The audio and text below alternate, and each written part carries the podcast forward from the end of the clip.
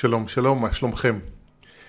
אני אה, רוצה לדבר על אמת ועל בחירה, ואני רוצה לדבר על החיסונים, שהם אה, למעשה הטריגר להקלטה של הפרק הזה. אתמול אה, התפתח דיון בקבוצת הפייסבוק שאני מנהל, שנקראת תקשור עם העולם שבפנים, בעקבות סרטון שהעליתי לקבוצה, ובסרטון הזה יש איזשהו... מתקשרת שאני מכיר שמדברת על למה לדעתה לא כדאי לעשות חיסונים. והתפתח על זה דיון. ולי אין אה, אה, עמדה חד משמעית עבור אף אחד. אני יודע מה אני רוצה לעשות עבור עצמי, אבל מעבר לזה, בעיניי כל אחד צריך לבחור את הבחירות שלו. משום שאין אה, אמת אחת שנכונה לכולם. והדיון שהתפתח אתמול בקבוצה עסק בזה בין השאר, כזה בעקיפין, אה, בגלל שהיא מציגה בסרטון הזה עמדה חד משמעית, אה, לפחות מנקודת המבט שלה, עבור אה, כולם. ואני לא מסכים עם עמדות חד משמעיות עבור כולם. אני חושב שאנחנו חיים בתקופה כזו שאנחנו צריכים להתרגל אליה יותר ויותר, שאין אמת אחת. וזה לא חדש, אבל זה רק אה, הולך ומתרחב לעוד ועוד תחומים בחיים שלנו. אה, זה התחיל למשל, שאחד המקומות המשמעותיים שגם רלוונטיים לסוגיה הזו של החיסון, זה הרפואה.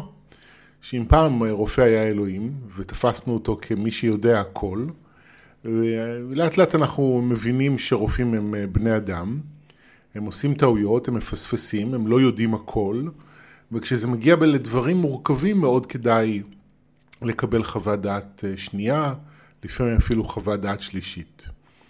ולא להסתפק בנקודת מבט של הרופא. זה גם נכון בעיניי, דרך אגב, גם בעולם הרוח. כשאני הולך לתקשור, אה, או כשאני מתקשר בעצמי, כל תקשור הוא נקודת מבט אחת על המציאות. לשמחתי, הרבה פעמים אפשר לקבל בתקשורים מסרים שהם חופפים במידה מסוימת, כי המציאות היא אותה מציאות. אם אני שואל על בעיה מסוימת, כמה וכמה מתקשרים, יש סיכוי גבוה שתהיה חפיפה בחלק מהתשובות. אבל זה בחלק מהתשובות. לא כל התשובות יהיו זהות. וזה מאוד משמעותי. אני, אחד הדברים שאני אוהב בתקשור שלי, אם אפשר להתנסח ככה, וזה תואר שמההתחלה מדברים בנקודת מבט. זה הנקודת מבט שלנו, מנקודת המבט שלנו, מי שמכיר את התקשורים שלי אז כבר שמע אותם מדברים ככה לא מעט. וזה משהו שאני מאוד אוהב, זה מכניס דברים לפרופורציה, אני לא יודע הכל, תואר לא יודעים הכל, הם מביאים נקודת מבט, ואפשר לאסוף וללמוד מכמה וכמה נקודות מבט, ומתוך זה כל אחד בוחר עבור עצמו מה נכון לו. בהרבה מובנים זה ה... אה, אחד הביטויים של עידן השפע שבו אנחנו חיים. תחשבו על כל תחום, יש היום המון אפשרויות, אפילו נגיד תזונה. אם פעם אני חושב basically כמעט כולם פשוט ספרו קלוריות, אז היום יש אה, שלל שיטות שמתנהלות במקביל, וכמובן, מרבית השיטות אה, מדברות על זה שהן טובות לכולם, אבל בפועל זה לא בדיוק ככה. והיתרון או המאפיין של התקופה הזאת זה שאנחנו צריכים ויכולים לבחור מבין השיטות האלה, מה מתאים לנו, מה אנחנו רוצים, מי אנחנו אה, רוצים להיות ומה אנחנו רוצים לאכול ומה מתאים לנו. וכמובן שיש נגיד את אילנה רוגל שנותנת התאמה, שנותנת תפריט תזונתי אבל התאמה מאוד מאוד אישית. אז, אז אנחנו מדברים על אה, רפואה ועל תקשור ועל אה, תזונה, אה, אפילו אתם יודעים מה, אני חושב על מערכת החינוך. אם פעם פשוט כחילוני היה פשוט בתי ספר ממלכתיים, אז היום יש יותר מאי פעם גם אנתרופוסופים וגם דמוקרטיים וגם פתוחים, והיום גם יותר נפוץ לעשות אה, לימוד ביתי, מה שנקרא, homeschooling באנגלית, ואנשים יכולים שוב, לא כולם נגיד במקרה הזה, אבל יש חופש בחירה יותר גדול מבעבר. אמ, איפה לגור, גם, יש היום חופש בחירה יותר גדול מבעבר. מי שיש דרכון זר יכול יותר בקלות לבחור האם לגור בארץ או לא, וכן הלאה וכן הלאה. אפילו מבחינה מגדרית, מבחינה מינית, מכל תחום כמעט היום, אין אמת אחת שנכונה לכולם. ואנחנו צריכים לשאול שאלות כדי לבחור עבור עצמנו מה נכון. וזה נשמע נורא קל ופשוט על פניו, אבל בפועל זה לא ככה, ובזה אני אה, רוצה להתמקד. והסיבה היא כי חלק מה... מה הסיבה שאני רוצה להתמקד בזה, או הדרך שבה הבנתי למה חשוב לי להתמקד בזה, היא משום שאתמול בדיון שהתפתח בקבוצה, מישהי התכתבה איתי על זה שהפקפוק הזה, קשה לה לחיות ככה. אני לא זוכר בדיוק את המילים שהיא השתמשה בהן, אבל היא מעדיפה לסמוך, ומאשר לפקפק בכל דבר. ואני יכול להבין את זה. כי יש משהו מאוד נוח באיזה מין גישה ילדית כזאת, שאנחנו נולדנו איתה.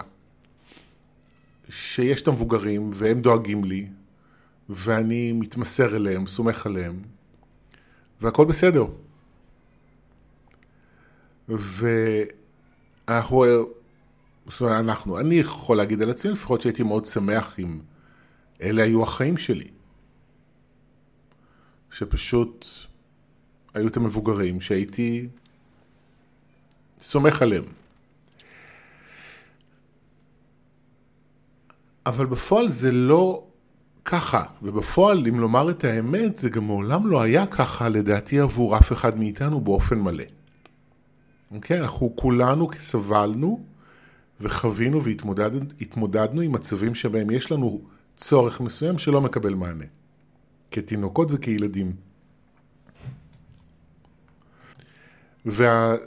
והסיבה לחוסר מענה הזה יכולה הייתה להיות שונה או יכולות היו להיות כמה וכמה סיבות, בין אם מחוסר תשומת לב, בין אם מחוסר סבלנות, בין אם אה, כי ההורים לא היו בבית והיינו עם המטפלת ולא קיבלנו את החום שהיינו רגילים אליו, אה, בין אם כי אחד ההורים, ההורים התגרשו, כי חס וחלילה אחד ההורים נפטר כשהיינו קטנים, אה, וגם היו כל מיני שיטות חינוך, ועדיין לצערי יש כל מיני שיטות חינוך שהן דוגלות ב... אה, להשאיר את הילד להתמודד לבד ולגרום לו להתבגר אה, ולהיות עצמאי. כאילו שאם ייתנו לילדים את מענה מלא לצרכים שלהם, הם יישארו תלותיים. כן, זו תפיסה הזויה מאוד בעיניי, היא בדיוק הפוך. בגלל שמלמדים אותנו להיות עצמאים מגיל מאוד צעיר, אנחנו נהיים מבוגרים תלותיים. כי יש לנו צרכים לא, לא ממומשים, והצרכים האלה הופכים לחוסר, והחוסר מייצר תלות. בין אם התמכרויות או תלות במערכות יחסים וכן הלאה וכן הלאה. אבל לא משנה מה הסיבה, אנחנו לא חווינו אף פעם מצב מלא כזה שאני יכול פשוט לנוח ולדעת שכל צרכיי תמיד ולעד יהיו מסופקים. ואז אנחנו גדלים. וזה מה שקורה. אנחנו גדלים עם חוסר אמון. ואנחנו אה, צריכים להתמודד עם זה. זאת אומרת, יש מצד אחד שפע של אפשרויות שמחייב אותנו לבחור כמו שלא היה מעולם, וגם בו זמנית יש חוסר אמון. ושניהם מתערבבים ביחד. אז אפשר לבוא ולהגיד, אני רוצה להיות באמון, לא רוצה לשאול שאלות, ואני רוצה לסמוך. עכשיו, יש בזה כאמור, כמו שאתם מבינים ממה שאני כבר אומר, יש בזה איזושהי מידה מסוימת של אבסורד. עכשיו, מה האבסורד? הוא מורכב משני חלקים. חלק אחד של האבסורד זה שאני חייב בכל מקרה לשאול שאלות ולבחור. אפילו רופאים אני יכול היום לבחור לאיזה רופא ללכת. רופא משפחה, כזה או כזה, ללכת בפרטי, ללכת בציבורי. אני, בכל דבר אני חייב היום לבחור, אני חייב ללמוד לשאול שאלות ולקבל החלטות. וגם אם אני רוצה לחיות באמון, זה לא מסיר ממני את האחריות לבחור עבור עצמי מה נכון לי. אפילו פוליטית אני בוחר בבחירות פעם בארבע שנים, או שנתיים, או חודש, תלוי באיזה תדירות, אבל אנחנו תמיד נמצאים בבחירה, וזה לא הולך להצטמצם. הנה עכשיו אפילו החיסונים, יש של פייזר ועוד שנייה יש של מודרנה, ובשנה הבאה יהיה חיסון ישראלי, ויש עוד חיסון רוסי שהולכים להביא אותו לפחות לרשות הפלסטינאית, כאילו, בכל דבר יש, יש בחירה, אז מה נכון? זאת אומרת, אנחנו בכל מקרה צריכים להפעיל שיקול דעת ולראות מה נכון עבור עצמנו.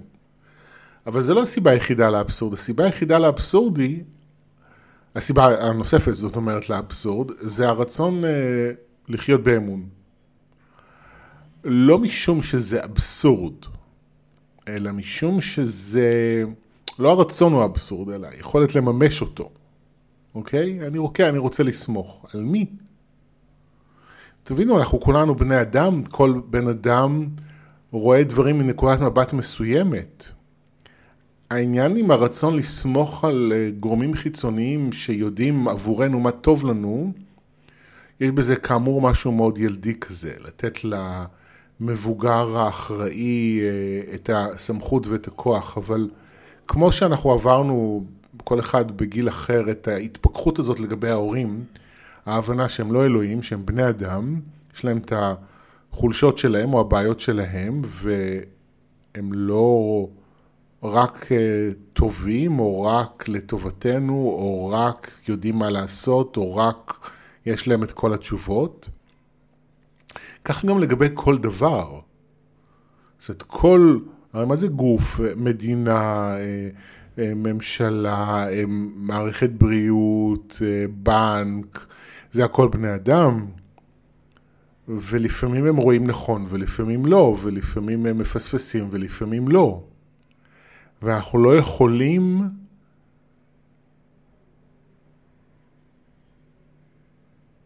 אני לא יודע איך לנסח את עצמי, אנחנו לא יכולים להתעלם מזה. עכשיו, אני גם מבין את המורכבות, כי אוקיי, אז אני לא מתעלם מזה, אבל גם זה לא שיש לי מה לעשות עם זה. שאני יכול להגיד, אוקיי, אז אני עכשיו אלך ואני אשב עם הפוליטיקאים ואשב עם אנשי משרד הבריאות ואני אוודא שהם לא מפספסים. הרי זה לא אפשרי. אנחנו נאלצים לסמוך על ולשתף פעולה עם אנשים בכל מיני תפקידים שמחליטים עבורנו החלטות, ואין לנו דרך תמיד לדעת אה, אם זה נכון או לא נכון. לפעמים אנחנו יכולים להבין את זה רק בדיעבד. לפעמים יש מקרים שאפשר להבין באותו רגע, אבל הרבה פעמים זה רק בדיעבד, וגם יש מקרים שאנחנו לא באמת יודעים ולא נדע לעולם אם זה, מה היה קורה אילו, או וכן הלאה וכן הלאה. וכן, זה מאוד uh, מערער את תחושת היציבות והביטחון. זה נכון, אני מבין את זאת שהתכתבתי איתה בקבוצה, את הקושי הרגשי לחיות ככה, להתמודד עם uh, המצב כזה. זה באמת מאוד... Uh, מאתגר, איך חיים ככה. אתם יודעים, וזה לא רק אה, גופים כאלה גדולים. מוסך, אוקיי? עורך דין, רואה חשבון, כל מיני אנשי מקצוע, שאנחנו לא, בדרך כלל לא יודעים על מה הם מדברים ומה הם עושים. אנחנו צריכים לסמוך עליהם, שהם יודעים על מה הם מדברים ומה הם עושים. אז אנחנו יכולים לשמוע המלצות כדי לקבל החלטה עם מי, מי ללכת. וכן הלאה וכן הלאה, אבל גם אז אין לנו ערבות שהכל יהיה בסדר. ולפעמים אנחנו מגלים את זה בשלב מאוחר בדרך. נגיד רואה חשבון, הנקודה בזמן שבה בעצם הדברים, איכות העבודה שלו נבחנת בעיקר, זה אם אני, יש לי ביקורת במס הכנסה או רשויות המס. אז העבודה שהוא עשה איתי כל השנים, והעבודה שהוא יעשה איתי בזמן הביקורת, היא הביטוי ל... האיכות שלו, אוקיי? ואין לי דרך לדעת את זה. וגם זה שלחבר היה ניסיון לא טוב עם איש מקצוע מסוים, לא בהכרח אומר שלי יהיה ניסיון לא טוב איתו. למשל, אחת הדירות שגרתי בה בתל אביב, הייתה דירה ב... שווה, לפני הרבה שנים, כמעט 20 שנה, עברתי לגור אז עם חברה, ובאנו לראות את הדירה, וגרו שם דיירים שסיפרו לנו שהיה להם בלאגן עם אה, בעלי הבית. התפוצץ שם איזה צינור בקיר במטבח, ולא תיקנו את זה כמו שצריך, ובקיצור, כל מיני עניינים סביב זה. בקיצור, אמרו לנו, תשימו לב לבעלי בית, כי הם... קיצור, אי אפשר לסמוך עליהם. ואנחנו, אוקיי, אנחנו רצינו את הדירה, והתקדמנו עם החוזה, וחתמנו על חוזה, וגרנו שם חמש, חמש וחצי שנים, ובעלת הבית התגלתה כאישה מדהימה, וכזאת גם שהיה להם אה, כמה בניינים בתל אביב, אז כשהיה איזה איש מקצוע שאם הייתה בעיה, הייתי מתקשר אליו, הוא היה בא לתקן. ממש, לקחה 100% אחריות, אנחנו לקחנו 100% אחריות, היה ממש כיף לגור שם, ברמה כזו שאני זוכר שעוד כמה שנים אחר כך, אה, כשחיפשתי דירות אחרות, אז לפעמים הייתי מתקשר אליה לשאול אם יש להם באחד הבניינים משהו פנוי שיכול להתאים, כי באמת, בעלת בית שאני מאחל לכל אחד. אבל הדיירים הקודמים שלי לא יצאו עם החוויה הזו מהמגורים שם, אז מה נכון? מה נכון בעצם? אז כשאני נכנס לאינטרנט לקרוא על איזשהו מוצר חדש שאני רוצה לקנות, אני תמיד מסתכל על ביקורות של גולשים כדי אה, לשמוע את החוויות שלהם. אבל אני גם יודע שאם יש חוויה שלילית אחת, זה לא אומר הרבה. אני כן יודע שאם יש כמה וכמה ביקורות שמדברות אה, על אותה בעיה, אוקיי, אני אשים לב. אז אולי אני לא אכנס שם. זה קרה לי נגיד לפני כמה ימים. כשנכנסתי, קראתי ביקורות על איזושהי חנות אלקטרוניקה שמוכרת משהו שרציתי לקנות, אונליין, והיו כמה וכמה תגובות ממש מהחודשיים האחרונים, שכולם דיברו על זה ששירות לא טוב ודברים לא מגיעים ואי אפשר להשיג שירות לקוחות. וזה אמרתי, אוקיי, לכאן אני לא מזמין. רצף כזה של ביקורות, ממש מהחודשיים האחרונים, אני לא לוקח סיכון שהם הספיקו לתקן את הבעיות האלה. אני מעדיף לקנות במקום אחר. אבל גם כאן הייתי צריך להפעיל שיקול דעת, אתם מבינים? זאת אומרת, שוב, אין איזושהי אמת אחת שאני יכול להגיד זהו, בן אדם אמר, אני אעשה את זה. אנחנו לא באמת יכולים אה, להירדם. ואני חושב שיש משהו ב, אוקיי, אני רוצה לסמוך על אחרים, ואם אומרים לי אז לעשות, שהוא בבחינת להירדם. ולא, אנחנו חייבים, חייבים להתעורר, אנחנו חייבים להתעורר ולשאול שאלות, ולבחור כל אחד עבור עצמו את מה שנכון לו. וכאן אני אספר לכם סיפור. סיפור על הודו לפני עשר שנים, נסעתי אז אה, לנסיעה ראשונה להודו, הגשמה של חלום שחלמתי הרבה זמן. נסענו קבוצה של איזה, לא יודע, 13-14 חבר'ה. ובהכנה לנסיעה עלה, עלתה כמובן הסוגיה של החיסונים, שממליצים לעשות למי שנוסע להודו. ואנחנו התחלקנו בסופו של דבר לשלוש קבוצות. חלק מאיתנו עשו את כל החיסונים, חלק עשו חלק מהחיסונים, חלק לא עשו חיסונים בכלל. אני למשל הייתי אחד מאלה שלא עשו חיסונים. והסיבה שלא עשיתי חיסון הייתה משולבת. גם יש לי אה, בעיה קונספטואלית עם החיסון, להכניס את המחלה מוחלשת או מתה לגוף שלי כדי לפתח נוגדנים. אה, למרות שנגיד הקורונה בכלל, החיסון לקורונה בכלל לא עובד ככה, אבל לא משנה, היה לי איזה, יש לי איזה בעיה במוח עם זה. עכשיו, אני גם בו זמנית מכיר בעובדות שחיסונים הצילו את העולם ממגפות קשות כמו פוליו למשל, ושזו מחלה שסבתא שלי חלתה בה כשהיא הייתה ילדה. אני לא חושב שחיסונים זה דבר לא נכון, אבל לי הייתה איזושהי בעיה עם זה, ועדיין יש איזושהי בעיה עם העניין הזה. ו... וגם יש לי איזה מין גישה פטליסטית כזאת שאומרת שאם אני צריך לחטוף עכשיו איזו מחלה סופר קשה, זה יקרה בכל מקרה, אז לא משנה, זה יבוא מפה, זה יבוא מפה. ואני העדפתי להסתכל על כל זה אחרת. אני זוכר שאז שאלנו את תואר לגבי הנושא הזה, ותואר דיברו על פחד, אה, הפחד מדבר על זה שאני בא למקום חדש, שאני לא מכיר, ואם אני אתערבב בו, אני אפגע. והפגיעה יכולה להיות מחלה, אבל היא גם יכולה להיות דברים אחרים. ובעצם יש פחד שאומר תגן על עצמך, כי זה מסוכן, הקרבה היא מסוכנת. ואחת הדרכים להגן זה לקחת חיסון. ואני העדפתי במקום חיסון, זה לטפל בפחד שלי. ולחזק את האמון שלי שהקרבה יכולה להביא לטוב ולא לפגיעה. ואני יכול לספר לכם שמה שקרה, הוא שכולנו יצאנו בריאים. אלה שעשו חיסונים עברו את זה יפה מאוד, הגוף שלהם הגיב לזה יפה מאוד, ואלה מאיתנו שלא עשו חיסונים או עשו חלק מהם, יצאנו יפה מאוד מהודו, בלי מחלות, חוץ מצינון ודלקת עיניים לכמה אנשים, לא דברים שמתחסנים נגדם, כולנו יצאנו ממש אה, בטוב. אני גם יכול לספר לכם עליי, שלדעתי הייתי בהודו חמישה שבועות, לדעתי אחרי איזה שבוע כבר התחלתי לאכול אוכל רחוב. אז לא שתיתי מים מהברז, רק מים מינרליים, זה לא לקחתי סיכון, אבל uh, אוכל רחוב אמרתי, ואפילו שלשול לא היה לי, לא היה לי כלום, כי זה בא ממקום שלם בפנים, שהרגשתי שזה נכון לי, שאני uh, מרגיש מספיק uh, uh, בוטח בפנים כדי להתערבב באופן הזה. אבל זה היה נכון לי.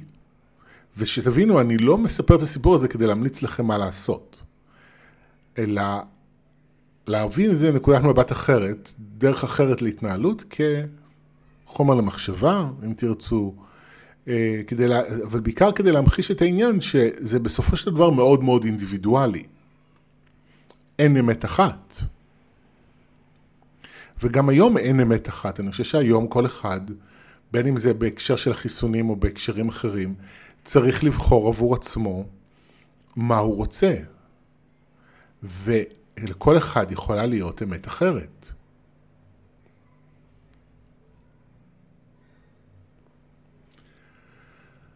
עכשיו, איפה האתגר? אחד האתגרים. מעבר לבלבול ול... חוסר ביטחון שצריך ללמוד לחיות איתו. שדרך אגב, צריך ללמוד לחיות איתו.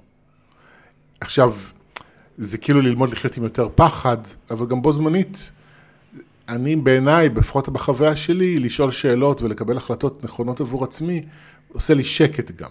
גם מאמת אותי עם פחדים, אבל זה עושה לי שקט כי אני באמת בוחר, ואז גם אם קורה משהו, זה הבחירה שלי, אני לא קורבן. זה מאוד משמעותי. אבל אחד האתגרים זה לחץ חברתי, כי זה כבר מתחיל. מאיימים בסנקציות על אנשים שלא יעשו חיסונים, אה, זה כאילו תעשו את זה למען אחרים, כדי שנצא מהמגפה יותר מהר, וכן הלאה וכן הלאה. זה מזכיר לי שסבא שלי, יש לי, obviously, היו לי שני סבים, אחד אה, קובאני, אחד ישראלי.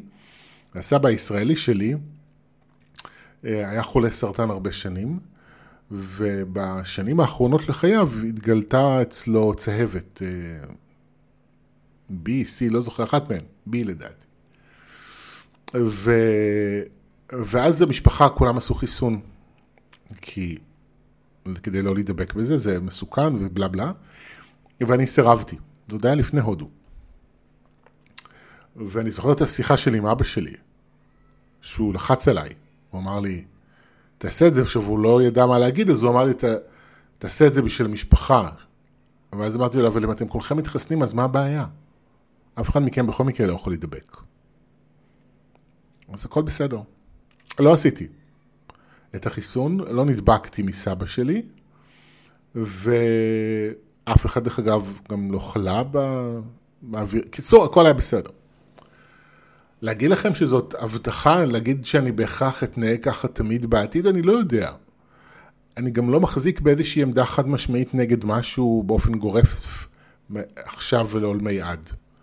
אני מסתכל על זה שבכל מקרה לגופו אני מקבל החלטה ובוחר מה נכון עבורי. אם זה לחיות ככה או לחיות ככה, לעשות ככה או לעשות ככה. ולראות מה מתאים למי שאני כרגע, מה נכון. אני יכול לדמיין, נגיד, אם אני נוסע מחר להודו, לאזור שמוכה באיזושהי מגיפה מסוימת, אני אקח את הדוגמה של, איך לומר, נגיד, יש לי חברה שלי לפני הרבה שנים נסעה לעבוד בהודו עם מצורעים, אוקיי? יכול להיות שאם אני אעשה משהו כזה, אני כן אתחסן. זאת אומרת, אני צריך לראות את המציאות ולראות זה, להחזיק איזו אידיאולוגיה של בעד משהו, נגד משהו, זה לא נכון בימים שבהם אנחנו חיים. אנחנו צריכים להיות, ואני בכוונה אומר צריכים, כי אנחנו צריכים להיות גמישים, שזה משחק מילים משעשע, כן? כי צריך, אין בו גמישות, אבל אנחנו באמת צריכים להיות גמישים. אנחנו צריכים ללמוד, לשאול שאלות ולנוע ממקרה למקרה, ממצב למצב ולראות מה קורה בו, איך הדברים אה, באותו הזמן, מה אני מרגיש, מה אני רוצה, מה נכון לי, מה לא נכון לי. אה, וזה חשוב לשאול שאלות, זה חשוב לשאול שאלות אנשים שמבינים בזה, זה חשוב לשאול שאלות בתקשור, לקבל כמה וכמה נקודות מבט. עכשיו, החברה מסביבי תמיד יכולה להגיד כל מיני דברים. אנשים יכולים ללחוץ עליי לעשות ככה, לא לעשות ככה, וכן הלאה וכן הלאה. בסופו של דבר זו בחירה שלי. וזה נכון שיש לי השפעה סביבתית וחברתית, וזאת עדיין בחירה שלי. אני צריך לבחור עבורי מה נכון לי. כדי שאני אהיה שלם עם עצמי. ואני רוצה להזכיר לכם בהקשר הזה, שהאדם היחיד שכל אחד מאיתנו יחיה איתו כל חייו, זה אני. לא אני שחר, כל אחד עבור עצמו, הוא עצמו. כל שאר האנשים בחיים שלכם, חוץ מכם, נוכחותם היא זמנית. ואני אומר את זה גם על בני זוג, ילדים, הכל מוטל בספק. אי אפשר לדעת לצערי הרב שום דבר מי יהיה מחר בבוקר לידי. אני כן יודע שאני תמיד אהיה. ואני צריך להיות מסוגל להסתכל לעצמי בעיניים בכל נקודה בזמן ולהיות שלם עם ההחלטה שלי. ואם עשיתי החלטה מתוך לחץ חברתי, ומחר החברה שלחצה עליי לא תהיה בסביבה, האם אני אשאר שלם עם ההחלטה שלי? או לא? אני רוצה בכל מקרה, וזה המקום שאליו אני שואף, זה תמיד להיות שלם עם ההחלטה שלי.